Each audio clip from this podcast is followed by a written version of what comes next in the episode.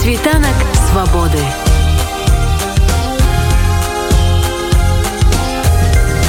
Спіць вольнасці Крыху больш як праз тыдзень пачнецца галасаванне на так званым рэферэндуме аб зменах у канстытуцыю якія прапанавалі прыхільнікі лукашэнкі. Адну з заўважных роляў у адсочванні вялікай аферы з гэтым рэферэндумам адыгрывае супольнасць сумленныя людзі якая дадала значны ўнёсак у фіксацыю фальсіфікацыю на выбарах прэзідэнта двадцатого года. Про тое якія парушэнні заканадаўства сумленныя людзі бачаць ужо цяпер якія яны прапануюць дзеянні беларусам. І ці са сапраўды яны пагражаюць у лістах чальцам камісіям як гэта зараз паказваюць праўладныя каналы. Мой калег андру мой калега андрусь гаёвым да паразмаўляў з лідаркай супольнасці сумленныя людзі аленай жываглот.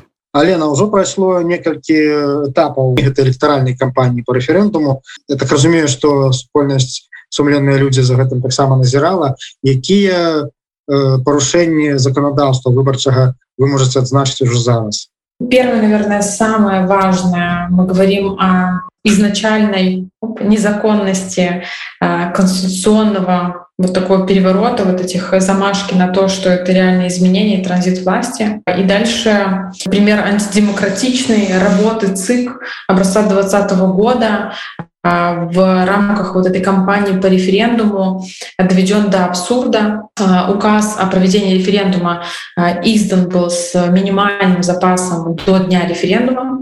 Это первая комиссия, формировались без шанса попасть в них независимым членом. Это тоже важно. То есть это было за закрытыми дверями. Мы знаем, что еще до а, даты, официальной даты объявления референдума началось формирование а, комиссий избирательных. Это тоже а, важный момент нарушения. Да? Списки избирательных комиссий. Вы видите, что сейчас происходит. Да? До 6 февраля они должны были быть сформированы избирательной комиссией и в течение 7 дней опубличены фамилии, кто входит в состав комиссии. Этого не происходит. Что сделал режим? Режим ответил нам флешмобом «Мы не боимся» и не назвал людей, кто будет в избирательных комиссиях сейчас. Важное, наверное, вообще событие и показатель э, нарушений вообще э, и, и, и избирательного права, то, что за рубежом не будут открыты э, избирательные участки, то есть много-много белорусов не смогут в принципе проголосовать и поучаствовать в так называемом референдуме. А, что мы видим из таких, ну, наверное, более, может быть, мелких, да, тактических явлений, фактов, нарушений?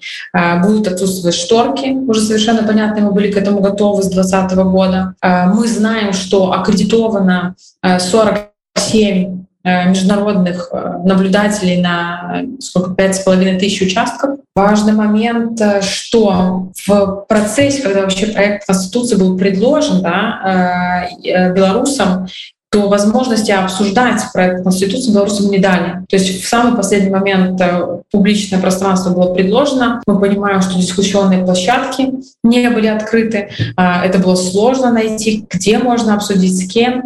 Мы помним знаменитое вот это вот событие да, с имитацией а, дискуссии, когда пошутил один из белорусов и выложили фотографии, да, продемонстрировали дискуссию, дискуссию продемонстрировали по указке сверху. Вот, поэтому это, наверное, э, такой важный важный, важный момент с пониманием того, что э, электоральная кампания — это не только и не столько основной день голосования, в данном случае референдум, да, э, это вся часть до, э, до основного дня голосования. Как белорусам дали возможность ознакомиться с проектом Конституции, как белорусы могли обсудить и понимать, что за этим стоит. Вот здесь режим, то, о чем я говорила, да, минимальные сроки предоставил на обсуждение, на знакомство, а так, чтобы кампания прошла тихо, стерильно, незаметно, чтобы белорусы не вовлеклись в вопрос, не участвовали. Какую роль в электоральной кампании бачит зараз супольность сумленные люди? Что мы пытаемся делать, на самом деле, в эту кампанию, так называемая электоральная кампания, да, мы относимся к этому прямо и обозначаем позицию, что это э, преступление, нарушение, обман.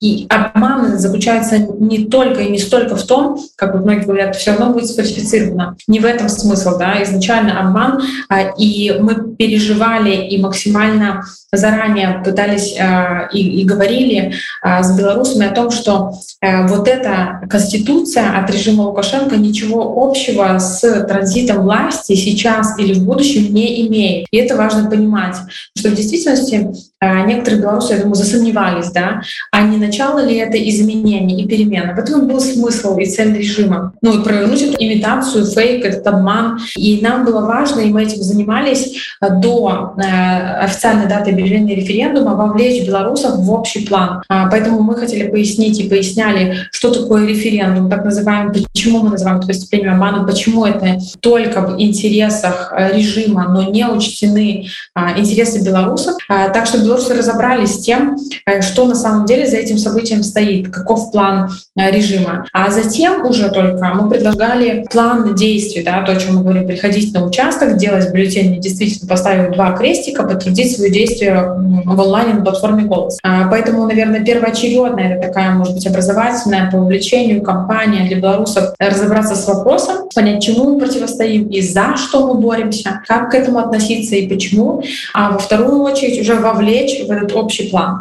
А, ну и, собственно, в этом и есть э, смысл роль честных людей. И сейчас, сегодня мы, наверное, так стараемся предложить инструменты для белорусов с тем, чтобы можно было распространять информацию, потому что сегодня это проблема в Беларуси просто э, не, не то, чтобы переубедить или убедить в чем-то, а доставить информацию внутри Беларуси, когда у тебя закрыты СМИ, блогеры сажают за комментарии, когда белорусы боятся на своих страницах репостить, предложить им варианты, как еще из уст уста, бумажными письмами, стикерами, листовками рассказывать просто, да, почему это важно, почему мы не должны вестись на план режима по деполитизации э, граждан. Вот. Э, это первое. Во-вторых, конечно, вовлечь и объединить э, вокруг, э, вокруг вот этого плана, прийти на участки и выразить вслух свою позицию, не согласиться. И из всех вариантов, как, как мы можем себе это позволить делать, вот мы пришли к такому варианту с недействительными бюллетенями, оставаться в рамках закона, приходить на участки. Ну вот в этом, наверное, и смысл нашей деятельности. ці будзе супольнасць ваша збіраць нейкія звесткі про то як адбываецца само галасаванне Ну ці гэта нейкія партнёрскія арганізацыі робяць ці ёсць нейкія парушэнні падчас галасавання падчас самого гэтага процессу есть ключевое действие в котором мы вовлекаем приглашаем всех белорусов приходить на участки делать бюллетень действительно ставить два крестика и делиться этой информацией с своими родными близкими соседями второе если вы приходите на участки то вы можете быть больше чем просто государством который приходит и ставит два крестика, вы можете фиксировать нарушение. А, и здесь мы исходим из того, что а, быть зарегистрированным авторизованным наблюдателем небезопасно, поэтому мы говорим о гражданском контроле. Вместе с платформой Зуба мы поясняем белорусам, что такое гражданский контроль. По большому счету это все белорусы, которые а, могут разобраться, какие нарушения могут быть. Для этого можно приходить в чат-бот э, Зубра, где есть вот эти обучающие методические материалы, потому что нарушений больше, чем просто э, неправильный подсчет голосов или невывешивание протоколов, да, чтобы вы понимали, на что обращать внимание. А затем присылать факты нарушений в э, бот Зубра. Это раз. А второе — это работа с избирательными комиссиями. Честные люди уже общаются с членами теперешних да, избирательных комиссий, и мы приглашаем э, членов избирательных комиссий сообщать нам информацию, что реально происходит на участках сейчас уже и в день голосования, так называемый слив э, про нарушения и фальсификации. Это второй источник, получается, от избирателей с одной стороны, с другой стороны от членов избирательных комиссий. Вот. И третье, понятно, что это платформа «Голос», э, где по итогам референдума э, мы будем иметь информацию о том, как люди в действительности проголосовали, сделали бюллетень недействительным за либо против. А вот третий, наверное, источник, инструмент по сбору информации. Вось вы узгадали, что вы уже некие стасунки там наводзіце з сябрамі камісіі і якраз вы у пачатку узгадалі про вось гэты флешмоб які запустила ўлада мы не боимся. У гэтых відэо якія яны распаўсюджваюць у сваіх каналах яны сцвярджаюць что да іх прыходзяць лісты з пагрозамі менавіта ад кампаніі сумленныя людзі сапраўды кампанія дасылае такія лісты тым сябрам камісію якіх яны ведаюць альбо якія былі у ранейшых камісіях у двадцатым годзе і ці сапраўды там трымліваюцца нейкія пагрозы на адрес гэтых чальцоў комиссии да действительно они получают письма но какие письма мы видели и вы видели их в паблике телеграм-каналы их опубликовывали а, эти письма и чтобы оценить абсурд, наверное, ситуации, да, э, чего боится режим, с чем он сражается, э, с честными людьми, э, нужно прочитать это письмо. В этом письме нет угроз, там есть вызывание к совести, там есть просьба считать честно, следовать закону, там есть факты о том, как прошли выборы с фальсификациями в 2020 году, и призыв общаться и рассказывать о, том, если оказывается давление на, на вас, как на члена избирательной комиссии. Поэтому там нет угроз. И что мы видим, а, как отвечает режим на просьбы а, честных людей, честных белорусов а, быть честными. Режим говорит, мы не боимся, а мы не ожидали, что вы должны бояться быть честными. Мы как раз этого и просим. Что касается от компании, это честные люди либо нет, я бы хотела, наверное, вот так сказать. Важно понимать, что честные люди есть организация, да, это сегодня я говорю как, как, руководитель, как лидерка честных людей. Но честных людей в Беларуси десятки тысяч, сотни тысяч, не знаю, э, тех, кто Э, готов э, вот таким диалогом, готов вызыванием к совести, к ответственности, к осознанности заниматься и направляли эти письма. И это не пять человек из организации, это белорусы, которые сегодня просят просто быть честными, э, законопослушными гражданами, быть на стороне народа. Поэтому я сторонник таких инструментов, когда мы не ведемся на провокацию режима и не разжигаем вражду. Мы не угрожаем друг другу. Мы пытаемся пояснить, потому что я убеждена, что многие члены избирательной комиссии из нашего опыта мы это видим. Они не до конца понимают, что за последствия, а, почему это неправильно, к чему привел неправильный подсчет голосов в 2020 году. Поэтому а, я считаю, первое, что это правильное взаимодействие, когда люди не угрожают друг другу, когда люди призывают задуматься и рассказывают о том, какие последствия могут быть а, согласно даже законодательству текущему, раз, и что люди готовы тратить энергию, время на то, чтобы писать письма, э, обращаться к членам избирательной комиссии. Наверное, хочу сказать всем белорусам, что мы на правильном пути. Это яркий показатель, что режим, э, несмотря на то, что на его стороне физическая сила, да, э, нас запугивают а, на нашей стороне правда, честность, а, открытость. И они боятся и реагируют на нас. Мы их раздражаем, как минимум, да, напрягаем систему. И они реагируют на нас вот э, такими флешмобами. Вот с честностью они к нам, мы вас не боимся. И это так радует, на самом деле. Вот. И, и вдохновляет. Э, и я еще раз хочу призвать, что так, так нужно делать, мне кажется. Нужно заниматься образованием, просвещением, взаимодействием, выстраиванием контакта, пояснением последствий. Ці не можа быть такой імавернасці, што сувязі з гэтым флешмобам гэтых людзей, якія кантактуюць з вами просто не вышчэмліваць тым же самым базікам и шукать и подтягивать до отказности. Э, первое, честные люди э, признаны экстремистским формированием уже, к сожалению, на самом деле, хотя я получила очень много поздравлений в этот день, когда нас признали, когда режим нас отметил этим званием. Но мне не кажется, что это там, хорошо.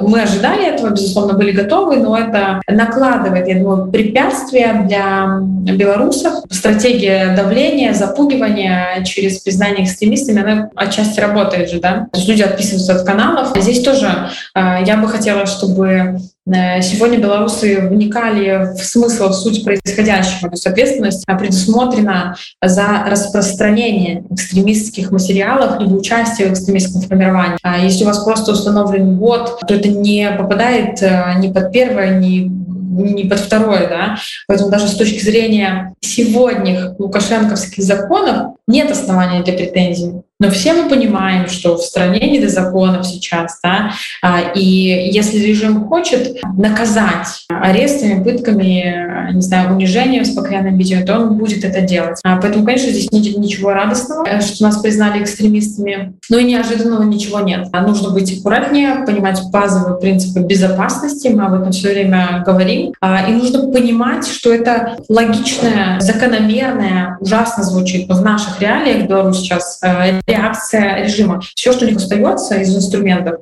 признать всех экстремистами. И они этим занимаются. И если они на нас реагируют таким образом, вот это для меня показатель того, что мы на правильном пути. А вот знаете, как, как часто говорят, Маша Колесникова, да, говорила, долбить, долбить, долбить. Э, нужно раздражать систему, давить на нее, забирать ресурсы, тратить их энергию. Мы на пути, да, у нас нет сегодня быстрого результата. Вот, поэтому план минимум сделан, план максимум, прийти на участки, э, показать, сколько нас несогласных, готовых действовать, не готовых подчиняться, не готовых мириться с тем, э, что происходящее в стране — это норма. Это наш план максимум от этой компании.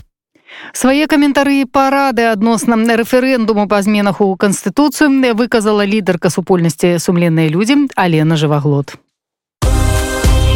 Світанак свабоды.